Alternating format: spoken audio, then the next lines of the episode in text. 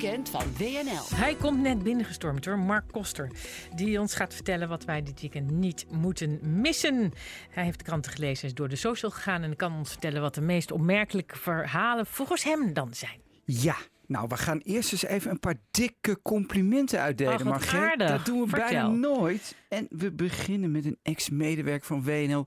Elif Isitman heeft met Olof van Joden, wat mij betreft, het verhaal van het weekend geschreven.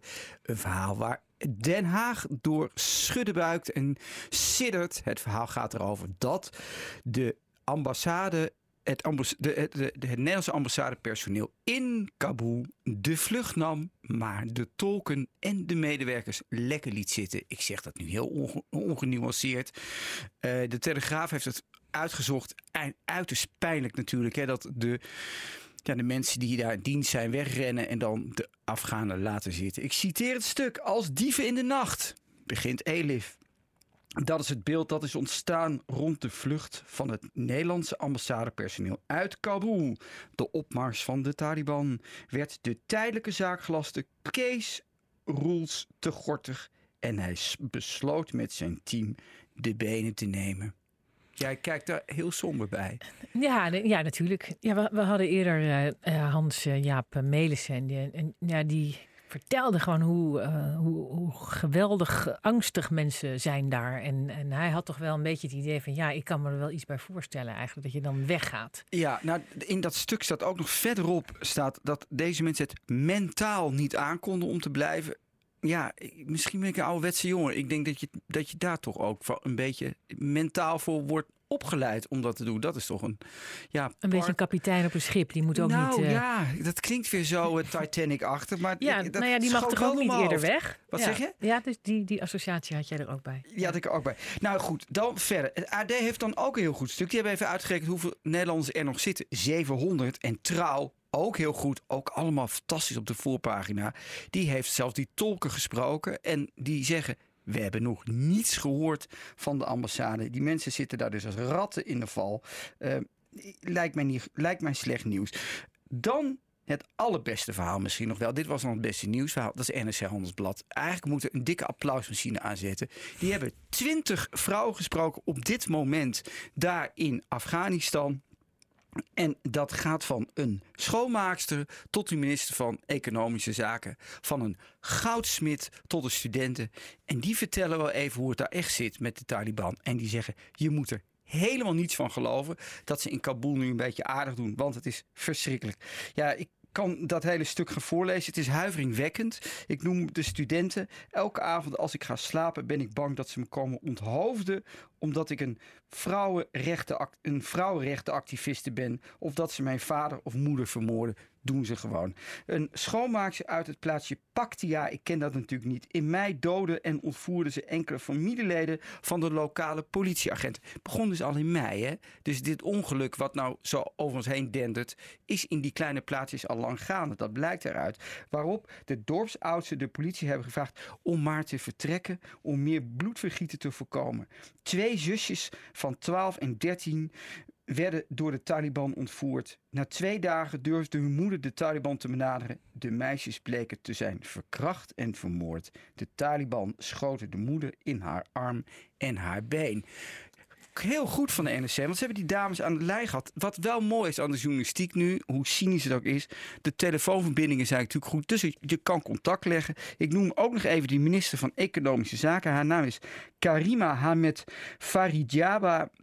En zij doet eigenlijk wel een oproep aan het Westen. Biden zegt dat dit een oorlog van Afghanen is, maar dit is niet onze strijd. Hoe zouden Afghaanse Taliban-strijders met hun lage ontwikkelingsniveau deze opmars hebben kunnen organiseren? Dat is onmogelijk. Heel goed verhaal. Dus ik weet niet of u nog wel eens een krant koopt of een abonnement op een krant neemt. Bij deze, doe dat eens. Dan een allerlaatste, ook de Volkskrant. Geweldig stuk over de Hazara's. Ik ken het niet. Is een Sjiitische, beetje hervormende club in Afghanistan. Een kleine Daar- minderheid. hè? Kleine minderheid. En daarvan zijn de vrouwen ook goed bezig. Sommigen zijn minister, vrouwelijke politiehoofd en ook atletes die het in de topsport goed doen. Dus afrondend, dikke complimenten voor de.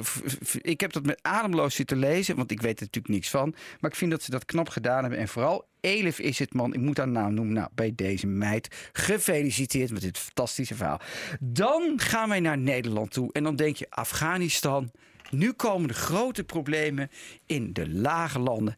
En waar stuiten wij dan op het bericht dat het Nederlandse Filmfestival geen prijzen meer gaat uitreiken aan mannen en aan vrouwen, maar aan één genderneutrale. Aha. En wat vind, wat vind jij ervan? Of wil, zullen we eerst even naar Johan Derksen luisteren? Oh, La- Johan Derksen, ja, laten we daar- eerst de, snor even doen. naar. Je weet ongeveer wat hij gaat zeggen, maar het blijft altijd leuk.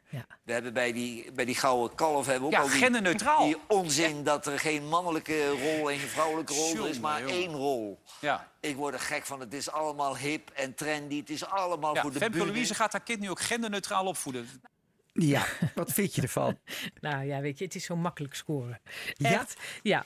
Maar is het Nou- zo dat, dat het eh, onevenredig veel mannen waren of onevenredig veel vrouwen? Dat is dan de vraag. Ik vind. Nou, Kijk, in dit- het sport is het ook niet mogelijk, echt not fair, dat je zegt eh, we doen het worstelen mannen en vrouwen, we doen één prijs. Dat kan niet.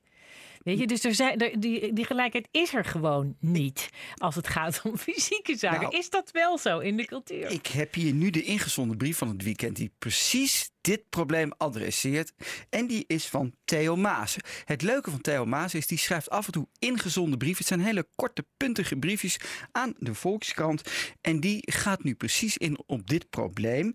En hij, hij heeft het dan over cabaretiers die geen prijzen winnen bij cabaretfestivals. En hij heeft een paar keer de Polifinario gewonnen. En hij zegt in de praktijk komt het er dan op neer dat het, dat het een grote zeldzaamheid is dat een cabaretier erin slaagt de prijs te bemachtigen. Van 2003 tot 2017 zijn van de 15 winnaars 14 man.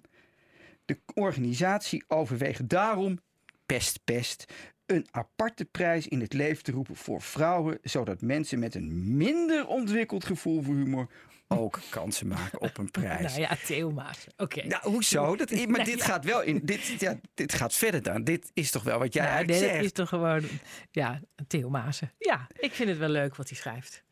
Dan gaan we verder. Precies, ik heb het opgebouwd, Theo Maas. Maar dan gaan we nu naar de dichter Jean-Pierre Ravi. Intellectueel, Mhm. groot dichter, hè, in Nederland bekend. Die, daar wordt dit probleem ook aan voorgelegd. En hij, de vraag van de Volkskrant achter in de krant, in cultuurbijlagen. Hartstikke leuk om te lezen. Gebruikt u hen en hun in uw boeken voor non-binaire personen? Hij heeft er wel een boordje op vaak. Hebben dit. Nee, zeg, flauwekul. Zo, zo werkt taal niet. Dat je opeens moet zeggen: vindt hen dat ook niet? Als er oorlog komt, is het allemaal voorbij. Ik vind het leuk dat ik, ik vind het leuk dat hier van alles kan. Een teken van beschaving. Maar aan dat non-binaire taalgebruik doe ik niet mee. Mooi toch? Hebben we het begraven?